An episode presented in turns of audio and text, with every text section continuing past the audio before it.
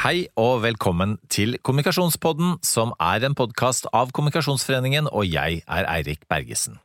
I dagens episode skal vi snakke om utfordringene med å formidle vanskelige og betente budskap i en sårbar tid. For midt i krisetider, med julen foran oss, så blir kommunikasjonen enda vanskeligere. Så hvilket ansvar har vi da, som kommunikatører, og hvordan når vi best fram?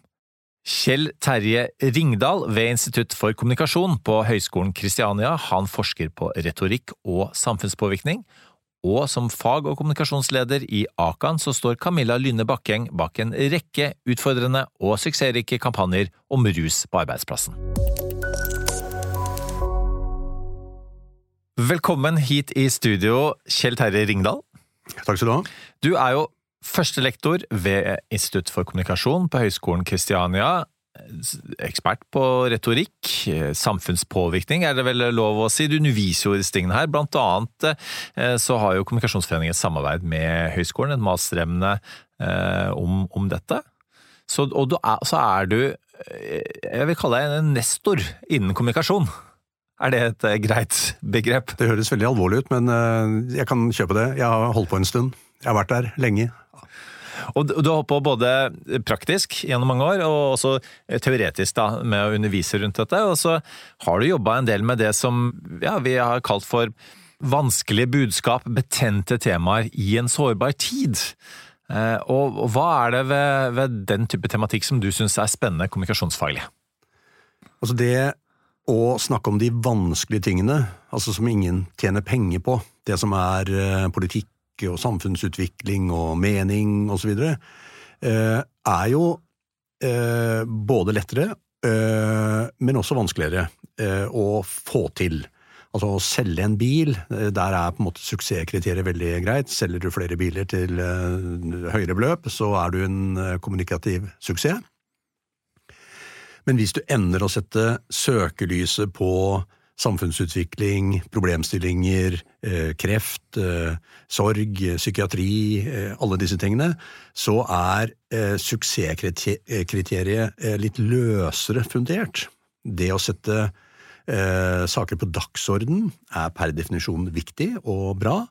Eh, men eh, noen vil alltid kunne hevde at nei, men er det nødvendig, og er det vår oppgave, og bør vi bruke så mye penger på, på dette? Så Sånn sett så må jeg jo si at det, det å ha et bevisst forhold til hva vi, både som forening og som samfunn, hva vi gjør på kommunikasjonsområdet, er viktig, fordi jeg vil våge påstanden det er nødvendig at vi alle jobber med eh, vanskelige temaer.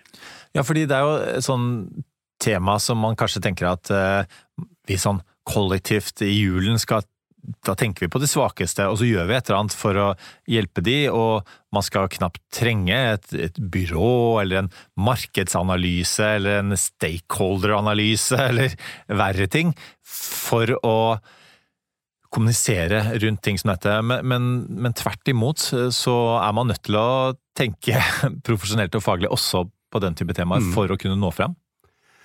I, eh, i min eh, tidlige eh, altså ungdom og voksentilværelse, altså profesjonelt, så hadde jeg eh, Jeg var støttekontakt for en ung mann. Han var tolv år, og jeg var da liksom 22. Eh, eh, og jobbet med han i mange år. Et veldig utsatt, plaget ungt menneske med en familie som rakna i alle ender. Og som ung mann så ble jeg tilkalt av denne tolvåringen som ringte meg midt på natta og sa du må komme, eh, både pappa og bestemor og bestefar slår. Eh, og for meg så var det en sånn eh, Det er en historie som har gjort så inntrykk. Eh, det å komme inn som ung mann og se en familie i tre generasjoner eh, fullstendig eh, ødelagt av alkohol og, og, livet selv, og denne stakkars tolvåringen. Mm. Og for meg så har det vært en sånn slags rettesnor, det finnes mange sånne tolvåringer.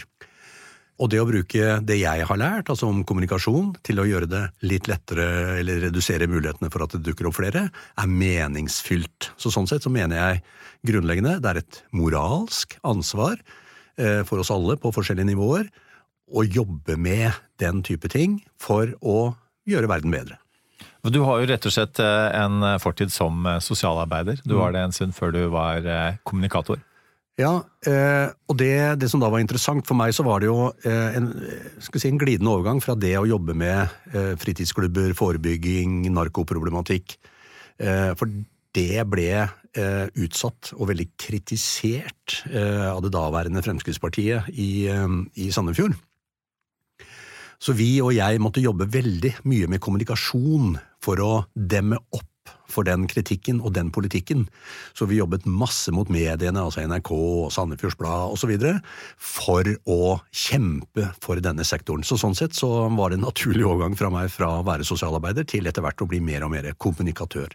Og eh, Utover på den rene sånn bevisstgjøringen på dette her, hvilke andre på en måte kommunikasjonsperspektiver du tok med deg da du etter hvert begynte å jobbe profesjonelt med kommunikasjon?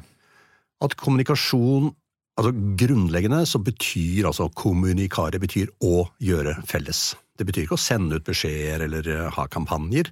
Kommunikasjon betyr å gjøre felles. Og det å ha et felles perspektiv, at eh, både avsender og mottaker har et fellesskap, det må etableres et fellesskap, Eh, det må være en forståelse fra avsender om mottaker, og målet må være at også mottakeren aksepterer de si, kommunikative premissene. At mottakeren opplever seg sett og godt behandla. Et, eh, altså det er veldig mange temaer i vårt samfunn som er veldig polariserte, men når det gjelder også at storsamfunnet når ut til de svakeste av oss, så er vi jo avhengig av en eller annen type sånn felles historiefortelling. Og, og det, på en måte så virker det som det, det er vanskeligere og vanskeligere eh, i våre dager. Også hvis du legger til at eh, også mange ressurssterke mennesker føler at de sliter med å betale enten det er strømregninga eller hva det, hva det skal være, høye renter osv. Så, videre, så er det kanskje enda vanskeligere for de svake i samfunnet å føle at de blir sett og hørt og nådd frem til.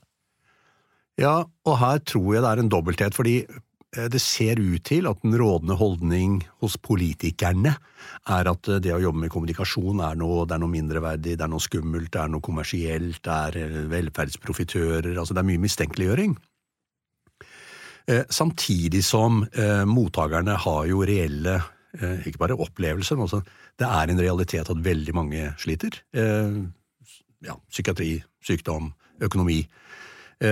Og det eh, også å la den gruppe mennesker få oppleve at de blir sett og forstått på en ordentlig måte. Og da kommer jo eh, denne merkelige, si, puristiske ideen fram om at eh, veldig mange sentrale politikere mener jo nå at kommunikasjon er noe ufint, det er noe skittent, det er noe vi ikke skal gjøre, fordi det liksom ikke er rent nok eller genuint nok. For jeg tenker jo at uh, den kritikken som kommunikasjonsbransjen, både si, PR-byråer og andre som jobber med kommunikasjon, blir utsatt for en kritikk som bygger på en idé om at man ikke snakker sant når man jobber med profesjonell kommunikasjon. Da er det juks, da er det ikke, det kommer ikke fra hjertet. Og når Støre da sier at jeg skal ikke ha spinndoktorer, og eh, finansministeren snakker om at vi skal liksom, kutte all kontakt med liksom, de profesjonelle kommunikatørene, så er det en Det er nesten trist, fordi det er Jeg mener jo at det er, det er viktig at man sørger for at budskap og ideer kommer fram i en form som gjør at mottakerne forstår og, og kanskje responderer. Mm. Og hvordan hvis man Du har jobbet med TV-aksjonen eksempel eh, i mange år. Altså hva, hva er Og det er jo en, også en uh, eksempel på hvordan uh, det norske folket ikke er så polariserte og, og gjerrige, men, men, man kommer sammen og gir i stort monn også nå i år, i vanskelige tider for mange nordmenn. Hva, hva, er det som at det er nøkkelen når man har så den type sånn, sånn svære aksjoner fra de sterke til de mm. svake? Mm. Og det er veldig interessant, fordi man kan lett bli litt sånn selvkritisk og si at nå bruker vi kommersielle, eh, kommunikative virkemidler for å snakke om mennesker i dyp nød og, og sorg. Eh, så det kan synes å være en, en guffen dobbelthet i det. Eh, jeg mener jo at når man skal snakke om nasjonale lidelser altså Jeg har jobbet med Kirkens Bymisjon og Rådet for psykisk helse. Jeg har også jobbet med, med store prosjekter for Redd Barna og Røde Kors i, i, utlandet. Felles for disse er at man har behov for å kunne stake opp kanaler, utforme budskap, finne eh, kommunikative flater som gjør at budskapet når fram. Og det kan jo minne om å selge bil. For det er jo den samme måten å tenke på når du skal selge en bil, som når du skal nå fram med et eh, budskap som handler om eh, etikk, nød og sorg. Ja, fordi mottakeren skal jo må, måtte ta et valg her. Det er jo noen penger som skal eh, avsettes til, til de ressurssvake, som de kanskje heller ville ha brukt på noe annet. Og da handler det om å skape et fellesskap mellom avsender, om det er Kreftforeningen eller Røde Kors, et fellesskap som sier vi jobber med ting som vi tror du er opptatt av, eh, og les her, se her, eh, så tror vi at eh, du kan bli motivert. Eh, og det viser seg jo ofte at det, det fungerer jo. Um, i gamle dager, altså den første TV-aksjonen vi jobbet med, så var vi det første kommersielle byrået som kom inn på dette godhetens markedet. Og da ble vi møtt med skepsis i NRK, eh, som lurte på liksom, hva er dette, har vi liksom nå amerikanisert godheten, og er liksom eh, er det gode, har det blitt borte? Skal vi begynne å annonsere nå? Skal vi begynne å liksom lage reklamefilmer? Og svaret på det var faktisk ja, eh, og det fungerte. Og, og hva var det som gjorde at det fungerte? Mm, man når fram til flere med et budskap som blir forstått, eh, og som gjør at mennesker blir eh, motivert til å gi penger eller gi av sin tid. Eh, og igjen, når den formen for kommunikasjon i prinsippet er som å selge et kommersielt produkt, så kan man forledes til å tro at da, da er det noe galt. Men det er altså ikke det. Kommunikasjon er en god ting hvis det du putter inn i den kanalen, er godt. Vi eh, skal ikke gjøre dette til Politisk kvarter, men du var inne på noen eh, statsråder allerede. Eh, vi hadde en eh, statsråd, Marte Mjøs Persen, som ikke stilte opp i debatt på NRK. Debatten, faktisk. Og i en diskusjon om fattigdomsproblemet i Norge. Og du har nevnt for meg som dette som et grelt eksempel på hvor galt det kan gå når man på en måte ikke dukker opp på arenaen. Eh, fortell litt om det. Ja, for det blir et tegn, det å ikke komme i den debatten og bli eksponert eh, etter debatten om at det var du som ikke kom, så blir jo det et slags en markør, et tegn på at eh, partiet som ikke bryr seg, fordi hele mediedramaturgien, hele oppsettet i denne debatten handler jo da om å framvise hjerte, smerte, sorg og elendighet. og statsråden skjønte vel på forhånd at eh, hun kom ikke til å få noe helterolle der. Ja, For det var jo å gå rett inn i løvenes hule, det visste alle. Absolutt. Og da er jo avveiningen eh, hva gjør du da? Og jeg tror jo da at det å ikke stille ble en sånn slags, eh, bokstavelig talt, helt stille eh, innrømmelse av at vi ikke bryr oss. Nå tror jeg ikke at man ikke bryr seg, men tegnet, signalet var dette bryr vi oss ikke noe om, vi er mer opptatt av eh, budsjettbalansen enn av, eh, av denne eh, fattigdomsproblematikken. Dette med, med krise, si, forståelse i seg sjøl, eh, enten det er fattigdomsproblematikk, nord-sør-problematikk, krig, klima Ofte kan folk tenke at elendighetsbeskrivelsen er så elendig at man søker seg vekk fra det. Man orker ikke å forholde mm. seg til det. Mm. Hvordan er, er det, Og så er det mange gode formål som konkurrerer med hverandre etter hvert. Hvordan navigerer man som kommunikatør det landskapet der for å sørge for at man blir eh, lagt merke til? Da tror jeg spørsmålet er bedre enn det jeg tror svaret blir, fordi det er åpenbart en slitasje, det er en, en, en fatigue. Eh, og når vi har dårlige tider, kanskje har vi ikke hatt dårligere tider eh, på mange, mange tiår enn det vi har nå, eh, det er bare dårlig nytt. Uh, og da er jo spørsmålet hjelper det da med mer kommunikasjon, mer uh, input mot uh, oss stakkars fortvilte menneskene? Jeg tror jo at vi igjen så må, så må de som skal kommunisere i et så kjipt marked, de må forstå at det er en, det er en fatigue, det er en, man er slitne. og det å finne, det å finne de nye eh, kommunikative grepene. Blant annet det å, å fortelle om eh, innimellom at det går bra. Ikke bare beskrive hvor galt det går, men også fortelle de små, nydelige historiene øh, hvor naturen tross alt øh, kommer seg litt på fote igjen, og det er håp, og eh, i det landet så har man gjort slik, og det har fungert bra, osv. Så, videre. så jeg tror jo også på at man må muntre opp. Det er jo som en oppdragelse. Man må oppmuntre mottakerne til å tenke det, mm. det går fint, skal du se.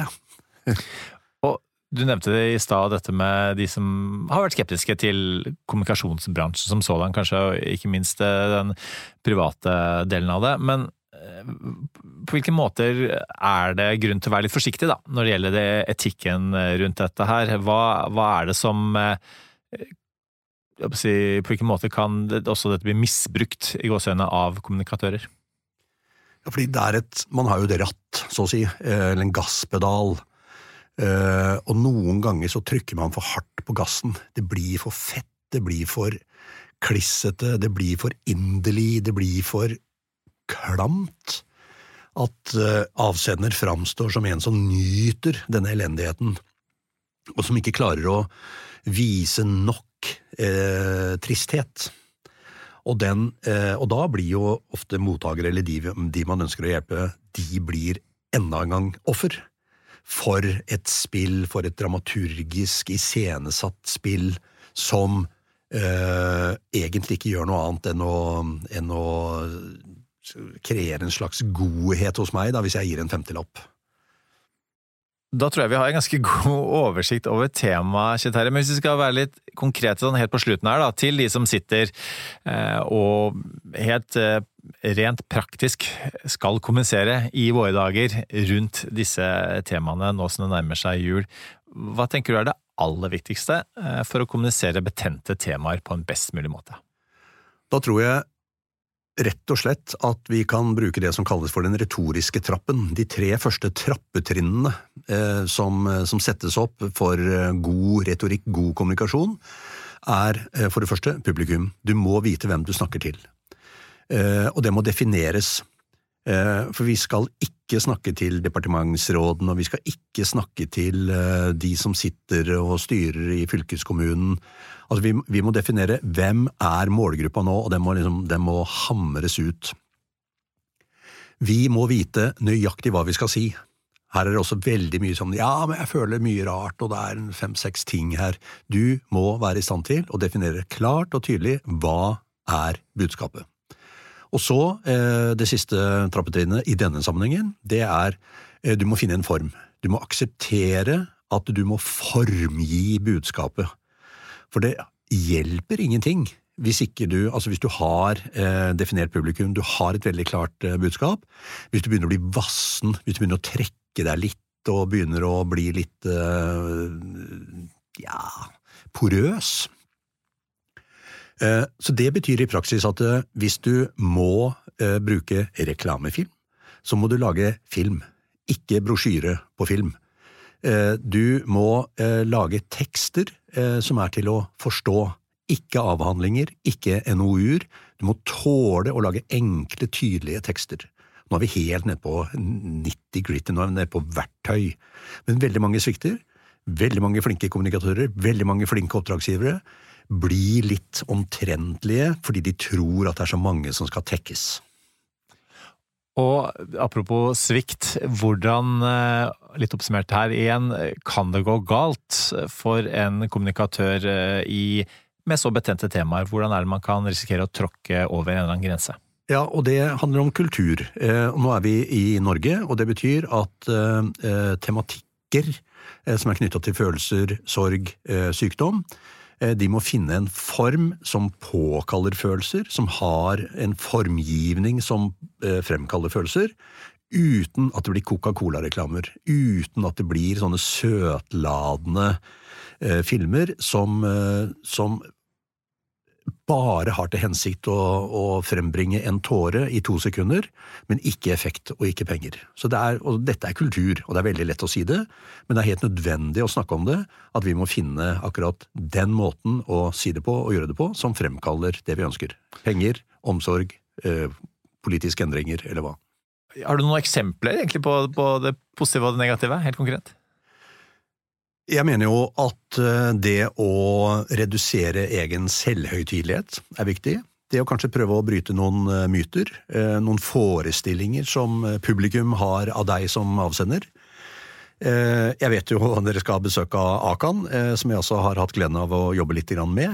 Og for meg så var det litt sånn skrekkblanda fryd å komme inn til Akan, hvor jeg tenkte at jeg måtte avlegge alkotest, og her var det snakk om å slutte å gå på fest og være ordentlig tørr.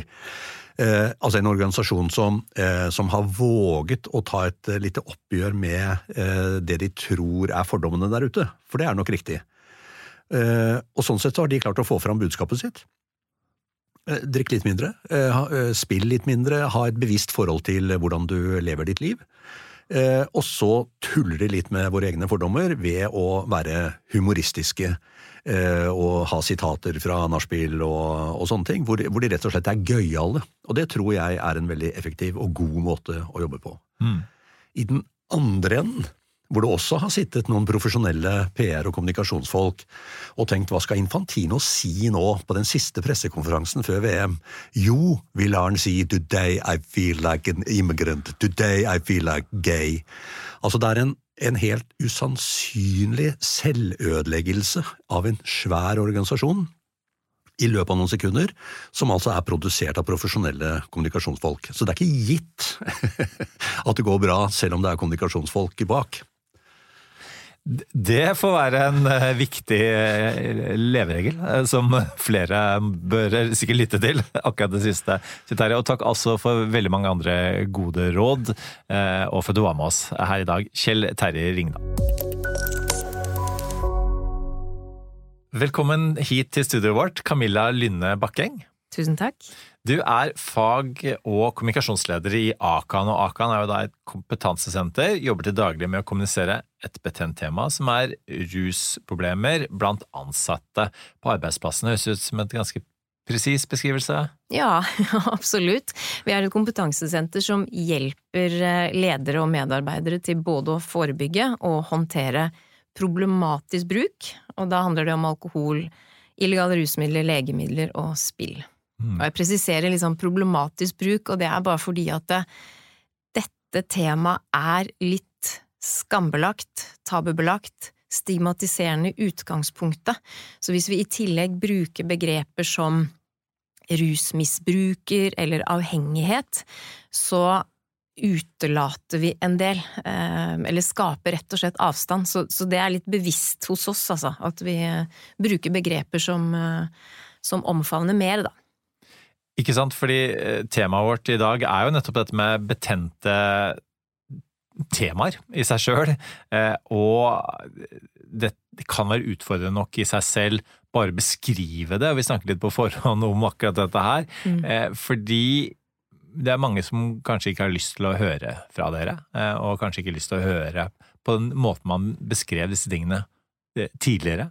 Fordi man er med å utelukke litt folk også med, med disse Både tematikken og måten man snakker om det.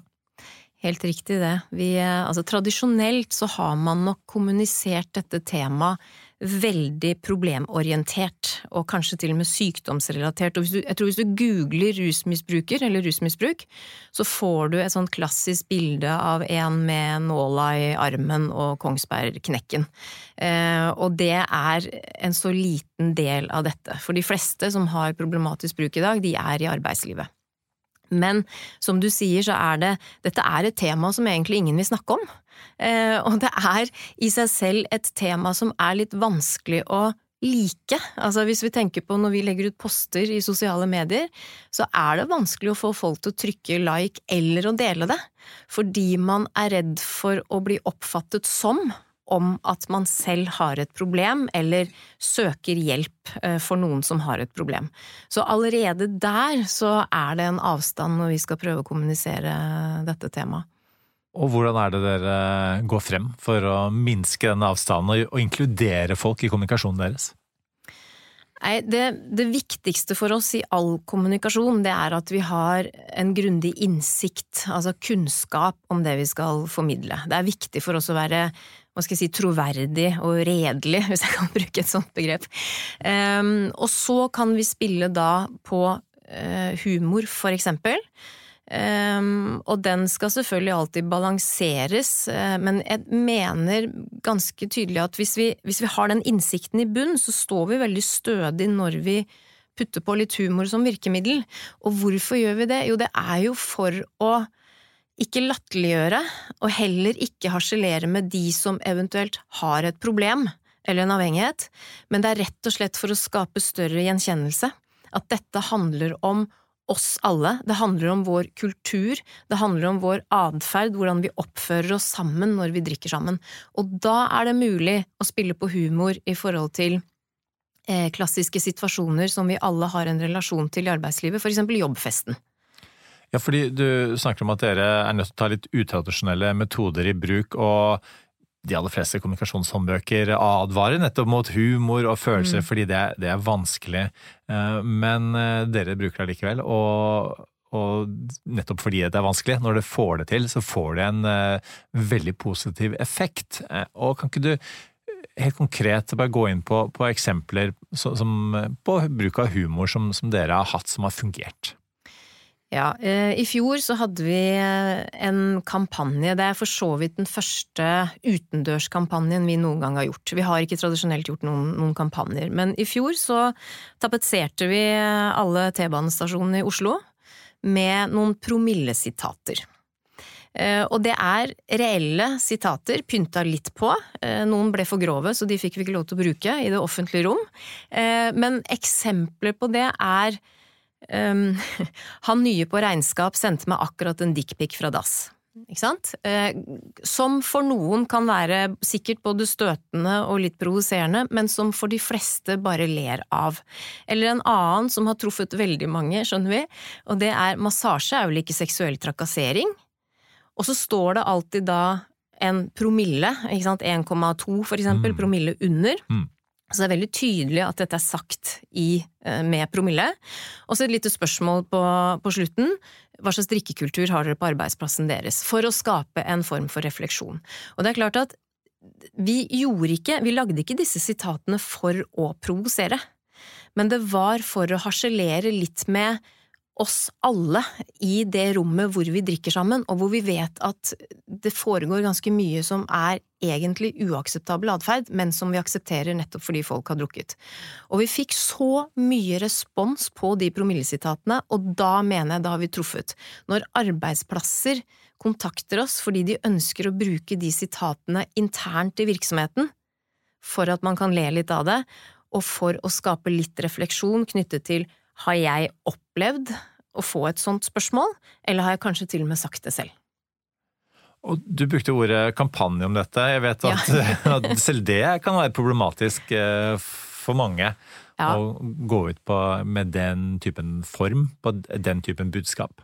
Absolutt, for igjen, tradisjonelt så har kanskje klassiske kampanjer knyttet til alkohol handlet om faren ved å drikke. Eh, eller oppfattet som at vi skal ta fra folk festgleden, og det er vi veldig, veldig tydelige på at det er ikke det det handler om. Det handler om å skape gjenkjennelse og refleksjon, og da ok, kalle det kampanje, men det er jo i utgangspunktet det, og det handler bare om at vi ønsker å nå flere og treffe flere, fordi hele, altså vi har hele norsk arbeidsliv som nedslagsfelt, og det i seg selv er jo utfordrende når du skal treffe toppleder eh, mellomledere, HR, eh, tillitsvalgte verneombud, altså alle ansatte.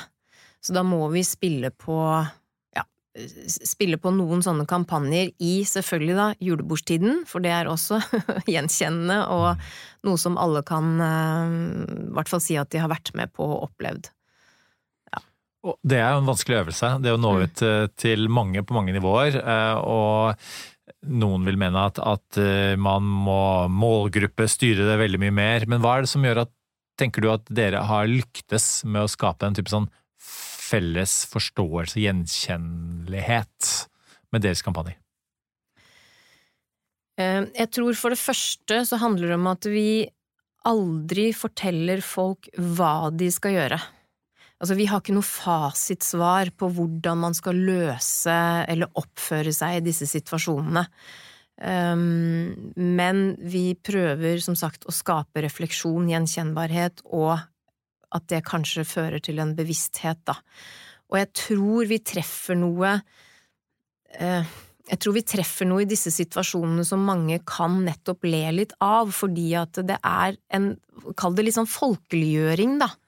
Eh, og ikke søke eller, eller treffe de som har et problem, eller det problemorienterte. Men at det er litt sånn folk flest eh, kan kjenne seg igjen i det. Mm. Altså, det å bruke humor, og hvis det er lov å si litt provokasjon også, i vårt eh, polariserte samfunn er ikke det alltid like lett. Så Nei. noen blir eh, sure, noen blir kanskje misforstår gjerne med vilje for å mm. få oppmerksomhet rundt sitt eh, standpunkt. Hvordan navigerer dere det landskapet?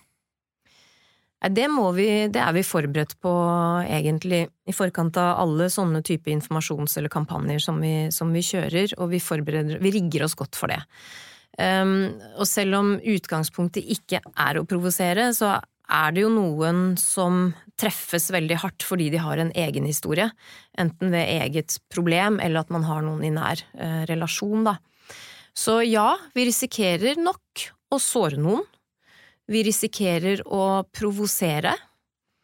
Eh, og som du sier, noen legger på en måte verste vilje i det. Eh, men så står vi så stødig i det fordi at eh, for det første så er det en innsikt og kunnskap vi har, og vi jobber veldig, veldig grundig i forkant av disse ja, både promillesitatene og andre kampanjer som vi har hatt, da.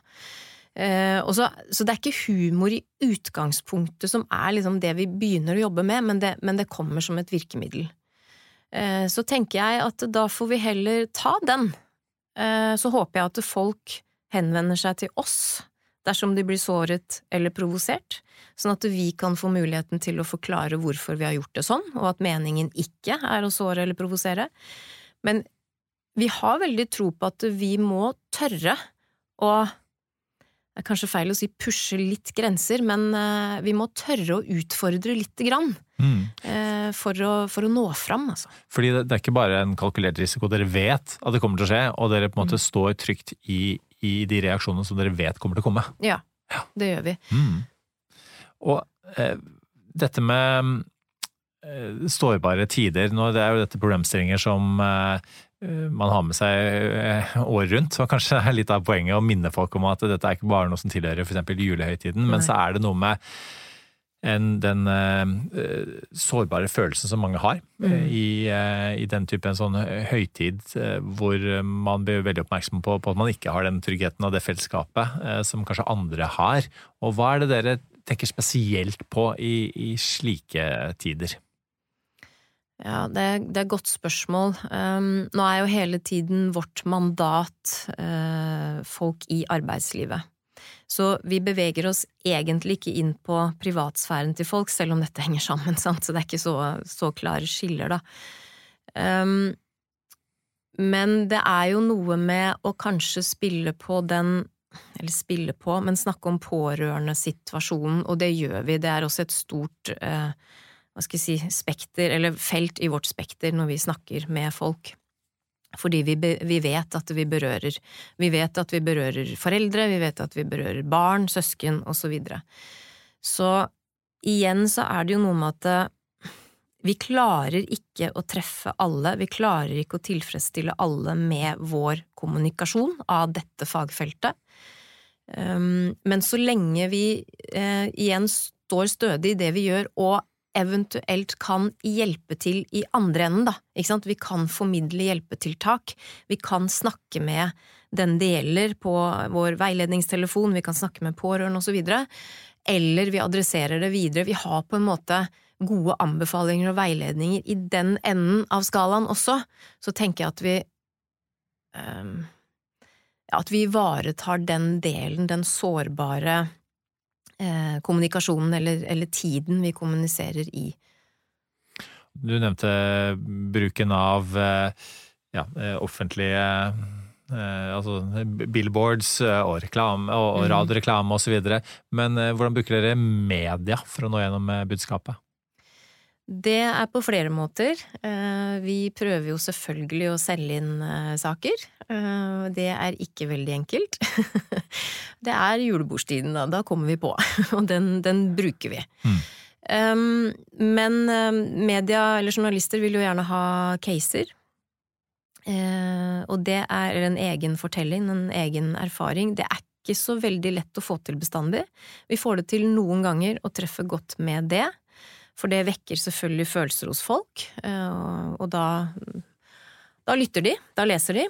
Eh, men det får vi som sagt ikke alltid til. Vi løfter også fram typ beste praksiseksempler på bedrifter som jobber godt.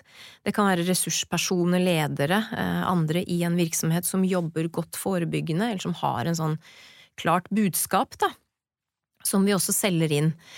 Men så har du også da bedrifter som jobber veldig godt forebyggende på dette temaet, som ikke vil stå fram i media, fordi de er da redd for å bli oppfattet som om at vi jobber med dette fordi vi har så mange problemer. Mm. Så igjen så er dette temaet så stigmatiserende at vi vil helst ikke ha noe med det å gjøre, ennå det angår så innmari mange av oss. Og man oppfatter kanskje dere som eh, moraliserende når dere kommer med, med, budskapet deres, og det er ikke alltid en god posisjon å være i. Hvordan unngår dere den eh, delen? Nei, den, den, myten kommer jo foran oss i døra, holdt jeg på å si, når vi kommer inn i rommet eller tar en telefon. Så, så tror jo folk at vi er ute etter å med moralisme, eh, med å ta fra folk festgleden og alkohol og ja. Så noen ganger så passer det seg å rett og slett bare si det, at vi er ikke noen avholdsorganisasjon, så har vi liksom avlivet den myten. Og så kan du bli litt lei av det også, må jeg innrømme. Um, og da blir det å forenkle språket, eh, bruke begreper som alle forstår, for i dette fagfeltet så er det flust av eh, vanskelige faglige begreper. Så det er, vi, det er vi opptatt av, forenkle det hele tiden, bruke et klart språk, folkeliggjøre det. Eh, og igjen snakke om at dette handler om oss alle, fordi jeg tror det er 85% av oss drikker alkohol på den vanlige norske måten, så la oss snakke om det, og ikke de få som har et problem. Så med en gang vi begynner, eller når fram med det, så kjenner folk seg igjen, og da kommer historiene. Da kommer utfordringene som de har sittet med eller sitter med, bekymringer de har, og da har vi på en måte skapt en sånn arena hvor vi har et språk sånn at vi kan snakke sammen om det, og vi har ufarliggjort det. For det er ikke den personen med rusproblemene dere skal direkte inn til, eh, nødvendigvis. Det er på en måte de som rammes av det, for det er der løsningen ligger også, er det sånn å forstå? Ja, altså vi veileder og kurser de rundt på arbeidsplassen, mm. eh, som igjen skal håndtere personer på jobben som eventuelt har et problem eller er i ferd med å utvikle det. Men, men vi har jo også personer med problemer som ringer til oss, og vi skal jo møte de òg, og de mm. også ser jo våre kampanjer. Så um, ja. Eh, hvordan eh, måler dere eh, det dere kommuniserer, og effekten av det? Det er et spennende spørsmål. det er enkelt å måle hva skal jeg si, reach på postene våre i sosiale medier, eh, bruk av nettsiden vår med masse informasjon, de som ringer inn til oss osv. Og, så og det er stadig økende, i hvert fall etter at vi begynte å ha å jobbe veldig spesifikt med kommunikasjonen vår. Eh, det som er Det er vanskelig å, å måle forebyggende arbeid. Eh, så det vi setter oss som mål når vi har type kampanjer eller saker i mediene eller i våre egne kanaler, det er rett og slett synlighet.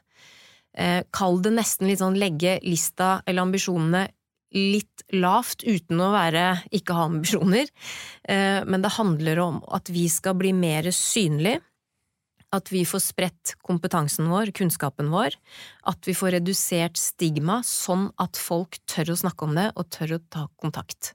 Og da tenker vi at vi har nådd fram. Vi kunne målt det på salg av antall kurs eh, videre, men det er ikke så relevant for oss.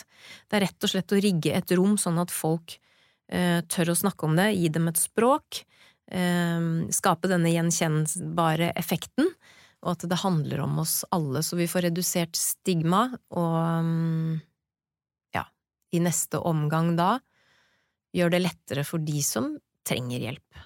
Mm. Dette med eh, den bruken av veldig direkte humor, mm. og med så stor offentlig tilstedeværelse som de kampanjene deres har, jeg er litt nysgjerrig på, på hva er det ved Det er ikke bare noen kløktige kommunikasjonshoder hos dere, og eventuelt med, med, andre fagfolk som dere bruker til sånt, men det er jo noe med hele organisasjonen som skal være med på dette. Hvordan sikrer dere at, at hele organisasjonen fra topp til bunn eh, står bak eh, noe så, såpass modige kommunikasjonsformer? Vi, eh, vi er jo bare 16 stykker hos oss, så vi setter alltid ned en liten gruppe, og så jobber vi med et eksternt kommunikasjonsbyrå som, som hjelper oss med ideer og den kreative prosessen. Eh, så utfordrer vi hele tiden, og vi begynner veldig bredt når vi begynner altså med, med ideer og forslag. Begynner kjempebredt, og så prøver vi heller å eliminere bort lite grann, og så tester vi det ut på kollegene våre. På eh, rådgiverne hos oss, og selvfølgelig på ledelsen. Um, og så tar vi ikke alltid et nei for et nei, men vi kanskje i stedet for å skrinlegge en idé, så tviker vi litt på det. Ja. Og så tenker vi ok, men hva om vi bruker det ordet i stedet for? For ofte så er det ganske små nyanser som skal til før det liksom går fra å være nei, det kan vi ikke si, det kan vi ikke bruke, til at jo, men det kan funke. Det er lettere å forstå, eller det er ikke så farlig, eller eventuelt skape provokasjon, da. Så vi jobber mye i forkant, og så eh, rammer vi det ned da, til vi har noe som vi faktisk kan eh, med våre budsjetter bruke. Eh, og så tester vi det litt ut. Eh, og noen av disse promillesitatene, for eksempel, hvis jeg tar de igjen, eh, gikk jo igjennom hos oss og vårt styre men ble forkastet av eh, de som skal ha det ute i det offentlige rom. Ja. Så såpass grove var noen av de. Men vi tenkte vi prøver, og vi, vi syns selv vi er ganske modige på akkurat det. Men så er det én ting til som også er viktig, fordi at et annet dilemma Vi eies jo av partene i arbeidslivet, sant? arbeidsgiversiden og arbeidstakersiden, og jeg må jo alltid kunne stå foran styret mitt og si eller stå for disse sitatene, stå for det vi legger ut, da. Så, og det skal, det skal, treffe både arbeidsgiversiden og arbeidstakersiden, og de skal være enige om dette her. Så vi har også det hensynet å balansere hele veien. Ja, apropos polarisering i samfunnet, det er jo ja. to sider som ofte tar hver, sin, eh, hver sine standpunkter i ja. store debatter. Mm. Men de er overraskende enige om akkurat dette feltet. Men allikevel så, så, er det noen nyanser som vi vil være forsiktige med, i hvert fall når vi går ut i, eh, i medier.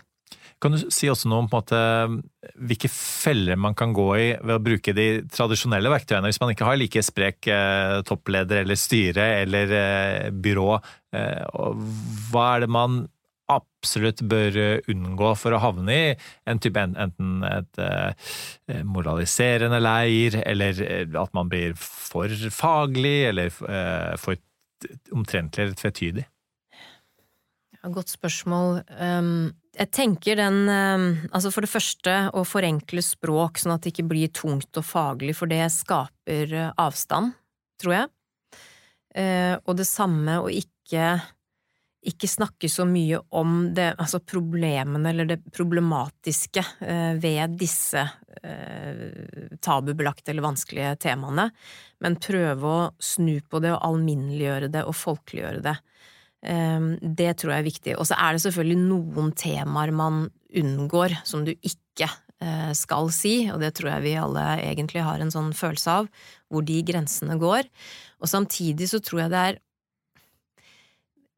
for andre da, som kommuniserer tilsvarende litt krevende temaer, så tror jeg vi må tørre å være litt vågale og pushe noen grenser. Eh, for dette er dette tar litt tid, og det må vokse litt på deg, holdt jeg på å si, og så kan du teste ut noen grenser, og noen ganger så går det, og noen ganger ikke. Så kan du kanskje gå et lite skritt lenger neste gang igjen. Men i hvert fall ikke bare skrinlegge ideer og si at nei, det tør vi ikke, det blir for vanskelig, eller det kan bli for touchy for noen, men at man prøver å teste ut og tillater seg det. Og alltid ta imot alle ideer i starten, og heller tenke at eh, vi prøver, vi tester ut, og så tviker vi heller litt, og så ser vi om det fungerer. Mm. Eh, nå har du gitt oss mange gode råd, eh, Camilla, på hvordan man skal kommunisere rundt dette. Men siden dette er tross alt det dere jobber med, altså det problematiske med rus på arbeidsplassen, og vi er midt i julebordsesongen, så har jeg litt lyst til å gi deg muligheten til også å gi noen råd til de organisasjonene som nå feirer jul ved å møtes sosialt, gjerne seint på kvelden og gjerne med litt alkohol. Hva er det de bør tenke på for at de skal være gode venner og kolleger også når eh, festen er over? For det første så er det kjempebra at vi endelig kan ha julebord igjen, det må jeg få lov til å si. Men så er det noen fallgruver her, fordi det er jo noen som ikke har festa på en stund, så de er litt ute av trening. Eh, og så må vi huske på at vi har ansatt en del eh, nye mennesker i organisasjonene i løpet av pandemien som skal feste med denne gjengen for første gang. Og da kommer vi til litt sånne tips. Snakk litt om forventninger til julebordet. Eh, hva er greit og ikke greit, hva er innafor og ikke innafor av oppførsel? Eh, og hvis noen går utenfor de grensene, så må leder reagere og snakke med folk, og ivareta de som eventuelt blir utsatt for ubehagelige opplevelser. Så det er nå én ting. Og så er det dette med å alltid tilby alkoholfrie, gode alternativer. Altså, ikke server den der lunkne Pepsi Max-en hvis noen ber om noe alkoholfritt, men det er masse gode alternativer i dag, og server det like fristende og kult og, og bra som alkohol. Da normaliserer vi det å ikke drikke, og vi gjør det litt enklere for, valg, for folk å ta valg. Og så må vi slutte å spørre eller kommentere hvorfor noen ikke drikker.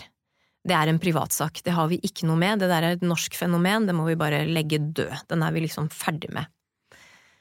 Eh, og så er det jo en del virksomheter som er blitt ganske gode på å ha fokus på andre hva skal jeg si, aktiviteter eller ting som skjer da, enn bare mat og drikke, for å sørge for at alle blir inkludert.